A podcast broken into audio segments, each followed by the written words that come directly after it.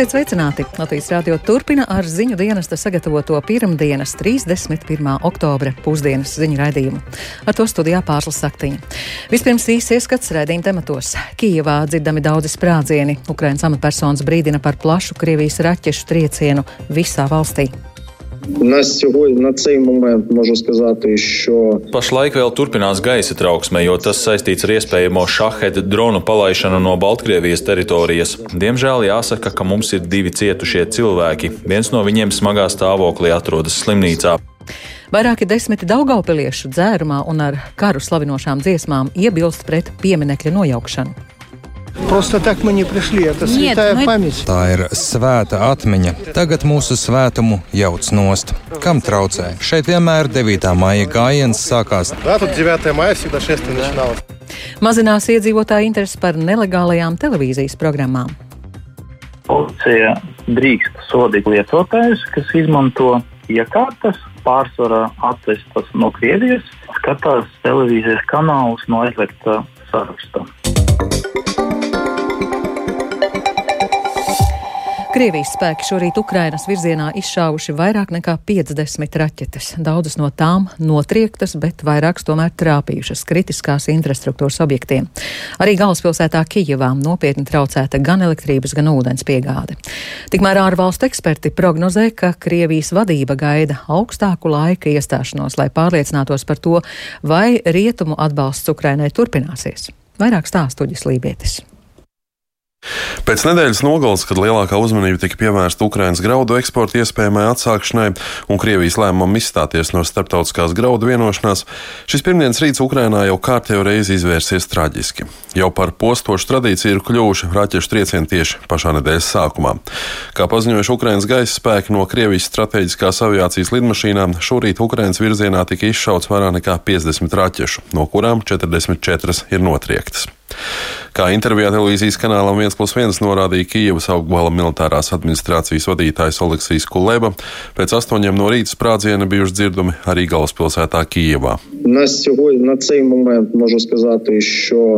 на сьогодні на цей момент можу сказати, що в нас поки що йде триває Mums pašlaik vēl turpinās gaisa trauksme, jo tas saistīts ar iespējamo šaheda dronu palaišanu no Baltkrievijas teritorijas. Šī informācija vēl tiek pārbaudīta, un tikai tad mēs varēsim izmainīt gaisa trauksmes statusu. Runājot par raķešu apšaudes sekām, diemžēl jāsaka, ka mums ir divi cietušie cilvēki. Viens no viņiem smagā stāvoklī atrodas slimnīcā. Jāsaka liels paldies pretgaisa aizsardzības spēkiem, jo postījumi varētu būt lielāki. Par apgādi. Tur, kur bija iespēja, jau ir sākuši darboties mūsu remontstrādnieki. Viņi izvērtē bojātās infrastruktūras stāvokli un jau sniegs informāciju par turpmākajām darbībām un kritisko infrastruktūru visā apgabalā.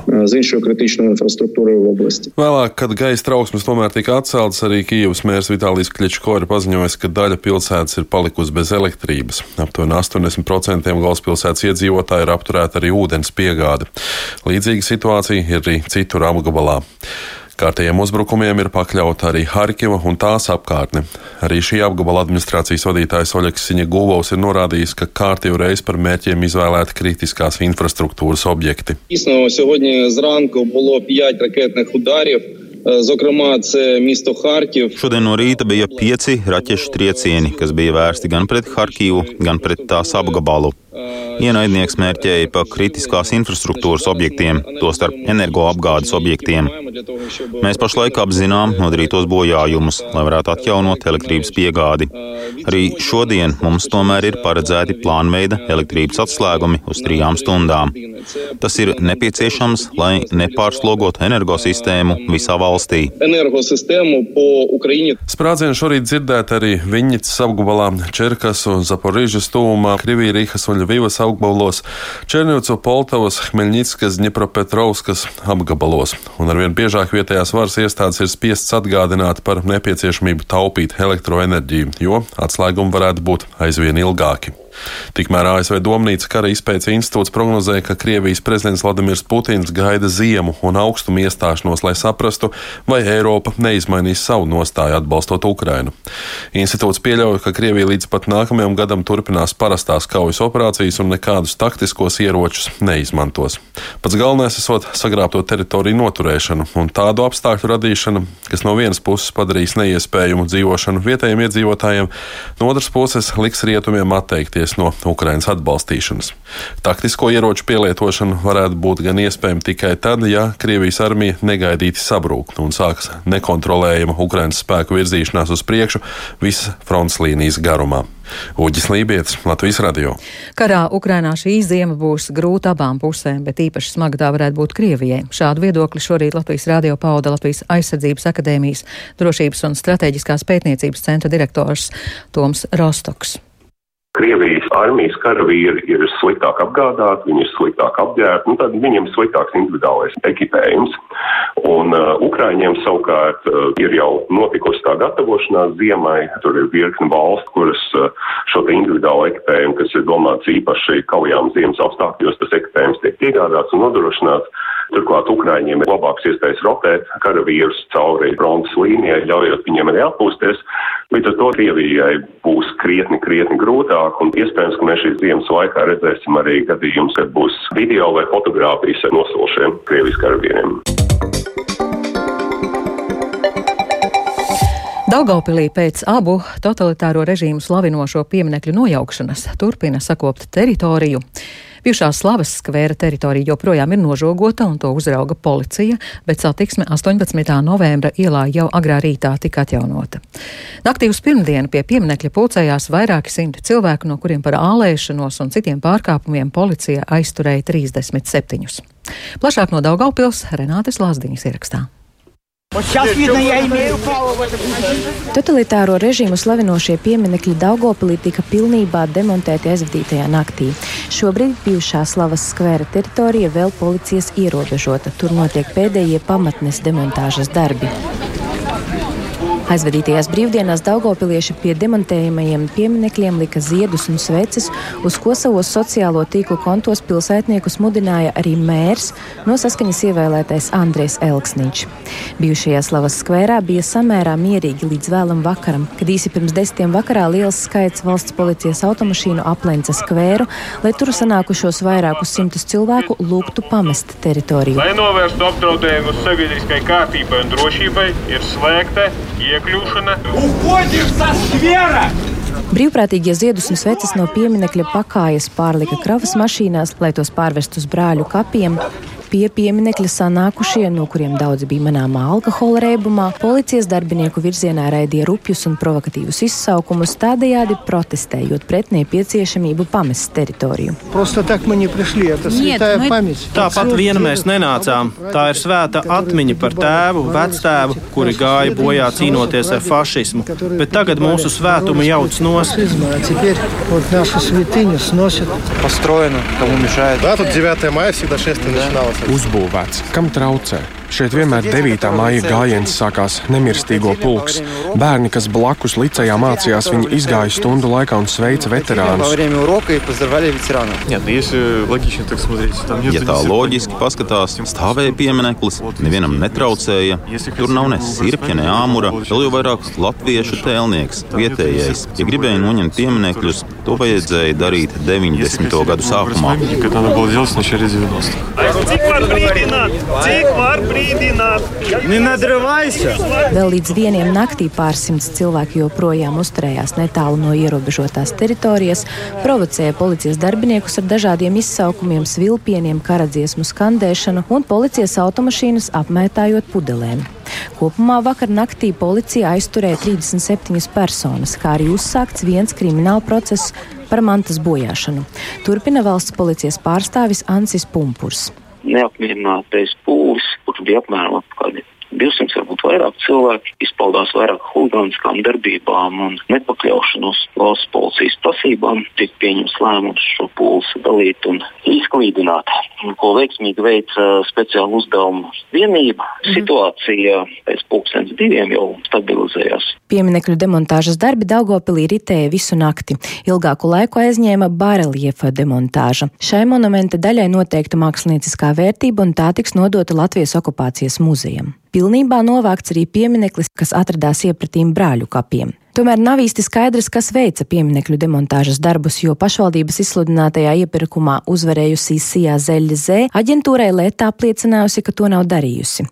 Daugopils domas komentāru šajā sakarā vēl nav izdevies uzzināt. Jāatgādina, ka Daugopils doma jau otro reizi vērsusies arī satversmes tiesā apstrīdot pieņemto likumu par pieminekļu demontāžu. Vēl aizvadītajā nedēļā satversmes tiesa Daugopils pieminekļu lietā pieņēma lēmumu par pieteikuma izskatīšanas termiņa pagarināšanu līdz 26. novembrim. Renāta Lazdiņa, Latvijas radio studija Latgalē. Šogad Nacionālā elektronisko plašsaziņas līdzekļu padome kopumā slēgusi 132 televīzijas programmas, no kurām lielāko daļu saistībā ar apdraudošu saturu valstī. Tāpat aktīvi bloķē arī tīmekļa vietnes, skaits mērāms jau trīs ciparos. Tikmēr policija konstatē, kontrolē, vai iedzīvotāji nemēģina saturu patērēt nelegāli. Novērojumi un pētījuma dati liecina, ka interese par šādu saturu ir mazinājusies. Vairāk par to Lindas Spundiņas ierakstā. Televīzijas programmas un tīmekļa vietnes, kas apdraud valsts drošību, Nacionālās elektronisko plašsaziņas līdzekļu padomas priekšsēdētāja vietniece Aurēlija Ieva Druvieta raksturo šādi. Tie ir ieroči informatīvā kara laikā, kuru mērķis ir uzšķērst Latvijas demokrātiju un ļaut tai nosiņot. Citāta beigas. Tāpēc NPLP ar to cīnās. Visa gada laikā kopumā ierobežoja darbību 132 televīzijas programmām, no kurām 112 programmas slēdza saistībā ar valsts drošību apdraudoša satura izplatīšanu. Turpina Aurēlija Ievdruvieta ja tā programma ir ierobežota par satura pārkāpumiem, kā mums ir septiņas programmas, tad šeit sots un ierobežošanas laiks bija viens līdz pieci gadi. Teiksim, ja programma ir ierobežota saistībā ar uzliktajām sankcijām, tad uh, tās programmas ir ierobežotas Latvijā tik ilgi, kamēr šīs sankcijas netiek atceltas. Treškārt, ja programma ir ierobežota saistībā ar to, ka jurisdikcijas valsts, ja valsts, kur šī programma tiek veidota, grauj citas valsts teritoriālo integritāti, kā piemēram Krievija šobrīd, tad eh, šīs programmas nevar atgriezties Latvijā tik ilgi, kamēr uh, Ukraina atkal nav vienota valsts un Krīma un, un citas okupētās teritorijas netiek atdotas atpakaļ Ukrainai. Savukārt septembrī Saima noteica, ka, ja programmas darbība ir pārtraukta, tā apraidē var atgriezties tikai pēc pieciem gadiem. Tāpat NPLP ir slēgusi 122 tīmekļa vietnes un sagaidām jaunu lēmumu. Mājaslapām bloķē domēna vārdus un slēdz arī spoguļu lapas. Padomu uzskata, ka darbs ir efektīvs. Kopš sāktā kara Ukrainā valsts policija pastiprināti pievērsus uzmanību nelegālā satura lietotāju uzraudzībai. Šogad līdz septembrim policija sākusi 28 administratīvā pārkāpuma lietas par nelegālu sistēmu izmantošanu. Savukārt krimināla procesa ietveros izņēma teju 300 nelegālās sistēmas un nosākti pieci krimināla procesi, skaidro ekonomisko noziegumu apkarošanas pārvaldes otrās nodaļas priekšnieks Vitālijs Polovīnskis. Šobrīd valsts policija drīkst sodīt administratīvi lietotājus, kas izmanto iekārtas, pārsvarā atvestas no, no Krievijas un skatās televīzijas kanālus no aizliegta saraksta. Protams, ka mēs cenšamies ar to cīnīties. Mans viedoklis ir veiksmīgi. Šobrīd tas nenotiek tik vienkārši, tik atklāti, kā bija pirms pieciem gadiem. Policija īpašas kontrolas reidus nerīko. Novērots, ka pārsvarā šādus pakalpojumus izmanto privātmāju iedzīvotāji, un tas notiek visā valsts teritorijā. Arī aptaujas dati liecina, ka iedzīvotāju interese par nelegālu saturu mazinās. Nepulpē sadarbībā ar Latvijas faktiem šovasar veica pētījumu par mediju lietošanas paradumiem un arī izmaiņām pēc programmu slēgšanas. Ar secināto iepazīstina Aurēlija Ieva Druvieta no Nepulpē. Kopumā tikai 8% no visiem iedzīvotājiem, kas ir iepriekš lietojuši šīs programmas, un 14% no mazākumtautību iedzīvotājiem ir centušies meklēt veidus, kā turpināt izmantot šos bloķētos Krievijas mēdījus. Tajā skaitā izmantojot gan VPN, gan YouTube, gan satelīta pakalpojumus un interneta televīzijas pakalpojumus. Pirms gada veiktais pētījums liecināja, ka Latvijā vispār pastāv zinām tendence, ka iedzīvotāji lieto nelegālu digitālo saturu, un toreiz mums pētījuma rezultāti liecināja, ka katrs piektais, 20% lieto nelegālu tādu vai citādu saturu. Šobrīd tiek izstrādāti likuma grozījumi, kas plāno paplašināt tiesības neplupē, uzraugot nelegālo saturu, gan filmas, seriālus, digitālās grāmatas un citus resursus. Linda Spundiņa, Latvijas radio. Brazīlijas prezidenta vēlēšanās uzvarējis bijušais valsts vadītājs Luis Inacio Lula da Silva, sakaujot pašreizējo prezidentu Žairu Bolsonaro. Kā liecina sākotnējie vēlēšana dati, balsošanas otrajā kārtā kreisi noskaņotais Lula ir ieguvis 50,9% balsu, ar ko pietiek, lai sakautu galēji labējo Bolsonaro. Abu politiķu Sāncensība visticamāk gan nekur nepazudīs, jo Bolsonaro atbalstītāji ir iegūši vairākumu parlamentā, un tas nozīmē, ka jaunajam prezidentam būs jārēķinās ar ļoti pamatīgu opozīciju. Savā uzvaras runā Lula norādījis, ka valdīs pār visiem brazi, brazīliešiem, ne tikai tiem, kuri par viņu balsoja, norādot, ka valstī ir nepieciešams, mier, nepieciešams miers un vienotība. Hoje nós estamos dizendo ao mundo o Brasil está de volta, o Brasil é grande demais. Šodien mēs sakām pasaulē, ka Brazīlija ir atgriezusies. Brazīlija ir pārāk liela, lai to pazeminātu līdz izstumtās līmenim.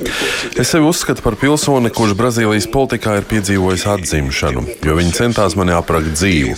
Un te nu es esmu. Es esmu šeit, lai vadītu šo valsts ļoti sarežģītā laikā. Taču es ticu, ka ar mūsu cilvēku palīdzību mēs radīsim izēju, lai pierādītu, ka šī valsts var atkal dzīvot demokrātiski un harmonijā, ka mēs varam atjaunot mieru starp ģimenēm, starp atšķirīgi domājošajiem, ka mēs varam uzbūvēt tādu pasauli un tādu Brazīliju, kāda mums ir vajadzīga. Izaicinājumi ir milzīgi, un šo valsti ir nepieciešams atjaunot visās dimensijās - politikā, ekonomikā, sabiedrības pārvaldē un starptautiskajās attiecībās. Taču pāri visam ir nepieciešams rūpēties par tiem, kuriem palīdzība ir visvairāk nepieciešama. E, sobretudo, no cuidado com os mais necessitados. Bet Izrēlā otrdien notiks jau piektās parlamenta vēlēšanas pēdējo četru gadu laikā. Izraels iedzīvotājs visvairāk nodarbina jautājumi par dzīves dārdzību un drošības situāciju, taču liela uzmanība tiek pievērsta arī tam, vai pie varas atkal atgriezīsies bijušais premjers Benjamins Netanjahu. Viņa galvenais sāncensis būs pašreizējais Izraels premjers Jairs Lapits. Plašāk par gaidāmajām vēlēšanām stāsta Rihards Plūme. Pēc pēdējām Izraēlas vēlēšanām, kurās izdevās gāzt ilgstoši pie varas pabijušo Benjaminu Netanjahu, pašreizējais centriskais premjeras Jārs Lapīts izveidoja raibu astoņu partiju koalīciju. Šajās vēlēšanās Lapidam labākus rezultātus varētu solīt pēdējās dienās panāktā jūras robežas vienošanās ar Libānu, kas abām pusēm atbrīvo jūrā esošās gāzes bagātības. Tikmēr Netanjahu cer, ka viņa rekordilgie 15 gadi pie varas spēs pārliecināt vēlētājus, ka tikai viņam ir nepieciešamā pieredze valsts vadīšanai. Izraēlas vēsturē visilgāk amatā pabijušais līderis, 73 gadus vecais Netanjahu, šajās vēlēšanās pirmo reizi pēdējo gadu laikā kampaņu vada kā opozicionārs. Aptaujas liecina, ka Netanjahu vadītā partija Likud kļūs par lielāko partiju Knesetā, taču tas nenozīmē, ka viņa ceļš uz premjerministra amatu būtu garantēts. Netanjahu tāpat kā Lapidam visticamāk nāksies aktīvi runāt ar mazākām partijām, cenšoties nodrošināt Knesetā 61 vietu, kas nepieciešama parlamenta vairākumam. Savukārt Netanjahu izteicies, ka cilvēki vēlas atpakaļ veco valdību, tādēļ Likud varētu būt labas izredzes uzvarēt vēlēšanās. Iemesls, kādēļ mēs varam uzvarēt, ir, ka cilvēkiem ir bijusi iespēja redzēt alternatīvu, un pašreizējās valdības laikā esam piedzīvojuši šausmīgu dzīves dārdzības kāpumu, mājokļu cenu kāpumu un milzīgu teroristu uzbrukumu skaitu un Izraēlas spēju mazināšanos pretstāvēt Irānas un Hezbollah draudiem. Tāpēc cilvēki saka, mēs vēlamies atpakaļ savu valsti, mums šķiet, ka zaudējam valsti. Un ja cilvēki šo sajūtu izpaudīs savās balsīs, tad jā, es domāju, ka mēs uzvarēsim. Reliģiskā cionisma alianse vēlēšanās varētu iegūt trešo vietu, vairāk nekā dubultojot pašreizējo deputātu vietu parlamentā. Un tieši šo galēji labējo atbalsts varētu kalpot kā Netaņahu biļete ceļam atpakaļ premjera amatā. Vairākie analītiķi pauduši satraukumu par Netaņahu un alianses potenciālo sadarbību jo bijušajam premjeram joprojām kā liela ēna seko apsūdzības korupcijā. Spriedumi nav gaidāmi gadu vai vēl ilgāk. Netaņahu atbalstītāji izvērsuši melnas kampaņas pret lietā iesaistītajiem tiesnešiem un prokuroriem. Kā laikrakstam The Washington Post izteicies Ebreju universitātes politologs un topošās grāmatas par Netaņahu autors Gails Talširs, Netaņahu vēlas paralizēt tiesu sistēmu. Pēc eksperta domām no demokrātijas un likuma varas viedokļa šis ir ļoti bīstams brīdis, un ja Netaņahu uzvarēs šajās vēlēšanās, Izraēla būšot kā Ungārija. Paredzams, ka kopumā Izraēlas vēlētāju aktivitāte saglabāsies salīdzinoši augsta. Tāda tā varētu būt par spīti tam, ka vēlētāji ir noguruši no jau kārtējām vēlēšanām. Koalīcijas sarunas var ilgt nedēļām ilgi, un ja tās cietīs neveiksmi, pastāv iespēja, ka vēlētāji drīz atkal dosies pie vēlēšanu urnām. Rihards Plome, Latvijas radio.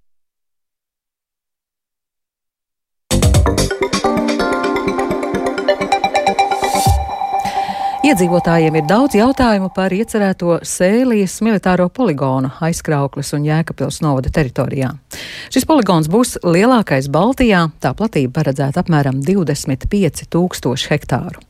Aizdītās nedēļas nogalē secē aizsardzības ministrijas pārstāvi tikās ar vietējiem iedzīvotājiem, uzņēmējiem un zemju īpašniekiem. Galvenā diskusija izvērtās par poligona ietekmi uz nekustamo īpašumu vērtību un iespējamām kompensācijām. Kas vēl uztrauc iedzīvotājus? Par to plašāk Sandras Paegļa Kalnes ierakstā. Iepriekšējā tikšanās ceļš bija augusta sākumā. Jā, mums aizņem mazliet ilgāk nekā Lai gan aizsardzības ministrija tikšanos ar iedzīvotājiem rīkoja darba dienas vidū, seces kultūras nama zāle bija pilna. Uzņēmējiem, zemju īpašniekiem, medniekiem un citiem, kurus skar iecerē veidot Sēlijas militāro poligonu, bija daudz jautājumu ministrijas pārstāvjiem. Pirmajā poligona izveidas kārtā plānots atsevināt 12 nekustamos īpašumus. Īpašnieki ir neziņā, kā tas notiks un kā tiks aprēķināts kompensācijas apmērs. Mums šobrīd ir māja, kas ir eh, veikta renovācija, kapitālais remonts ir veikts. Ir, nu, gan arī saimniecības ēkas mums ir divas, un mums ir pagrabs. Viss. Medību kluba Gambija valdes loceklis Zigmunds Avens stāsta, ka medību kolektīvs ir veicis ieguldījumus īpašuma sakārtošanā. Mums ir pagājuši rudenī, decembris, janvāris pievilkām pa trīs fāzes elektrību pievilkām, ir attēdziskais urbums, un kāda tā kompensācija arī īstenībā nav skaidrība. Vai mēs jaunu vietu varam iekārtot vai nevaram par to.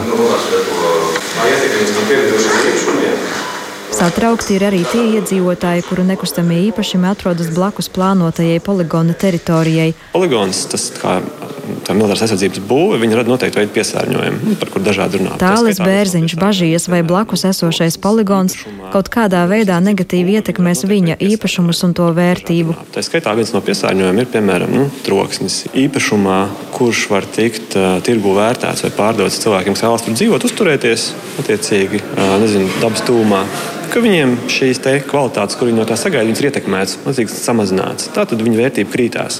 Tas ir viens aspekts, par kuru šobrīd nu, es nedzirdu kaut kādu veidu komentārus, kā viņi tiek novērtēti vai viņi tiek kompensēti. Aizsardzības ministrijā uzsver, ka tiem īpašniekiem, kuru zemes gabali atrodas ārpus poligona teritorijas, būtu jāpierāda, ka viņu zemes vērtība poligona izveides rezultātā ir kritusies, tikai tad varētu pretendēt uz kompensāciju. Savukārt tiem, kuru īpašumi ir iekļauti atsavināšanas sarakstā, tiks izmaksātas atbilstošas kompensācijas, stāsta aizsardzības ministrijas valsts sekretārs Jānis Garisons. Īpašnieks, ja tas ir investējis kaut kādas finansē, finanšu līdzekļus, viņš var nākt un viņš var teiksim, apliecināt, ka tas ir izdarīts. Un, protams, tas mērķis ir attiecīgi šajā procesā panākt to, ka īpašnieks var iegūt līdzvērtīgu īpašumu par to kompensāciju, ko mēs izmaksājam. Mēs esam faktiski nu, ļoti daudz zemes gabalus atsavinājuši un daudz īpašumus veidojot gan ādažu poligonu paplašināšanu, gan arī skrundas poligonu. Tādēļ nu, faktiski nav bijis tāds gadījums, kad nu, būtu kaut kādas ļoti lielas nesaskaņas. Īpašumu atsevināšanas process varētu sākties pēc dažiem mēnešiem. Sandra Pēkļkāne speciāli Latvijas Rādio Latgales studijai.